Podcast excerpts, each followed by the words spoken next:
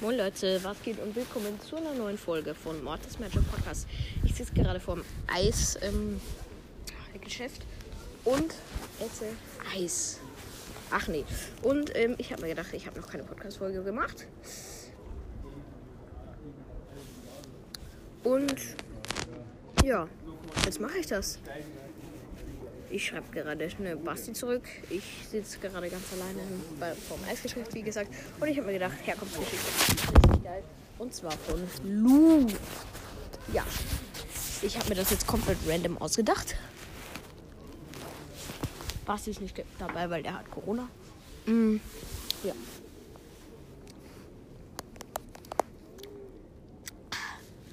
Irgendwie ist es voll schwer, jetzt aufhören zu essen. Okay, aber gut.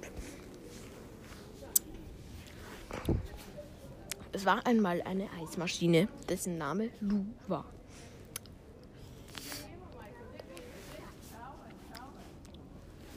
Lu war eine ganz normale Eismaschine in einem Geschäft namens Jessys und Lou's Eis.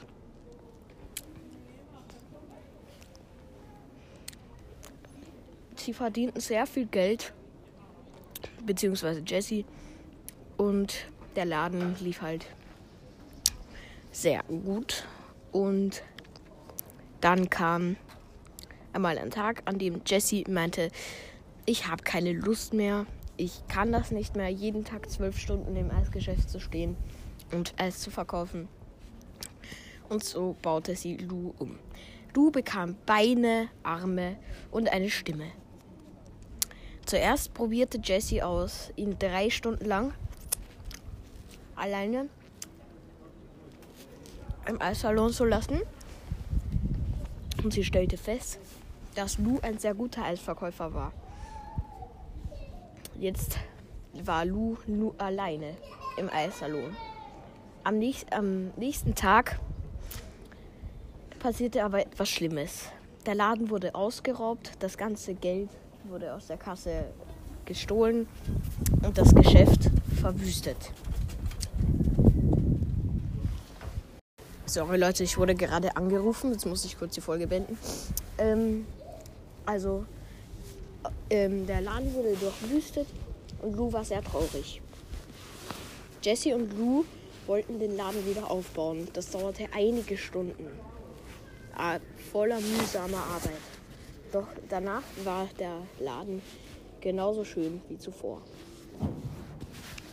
Von dem Tag an kämpfte Lou mit, seinen Ei, mit seinem leckeren Erdbeereis für die Gerechtigkeit und für seinen Laden und ähm, er nahm immer viel Geld ein. Ja, das war's mit dieser Folge. Ich hoffe, es hat euch gefallen. Ich muss jetzt meinen Freund zurückrufen und ciao.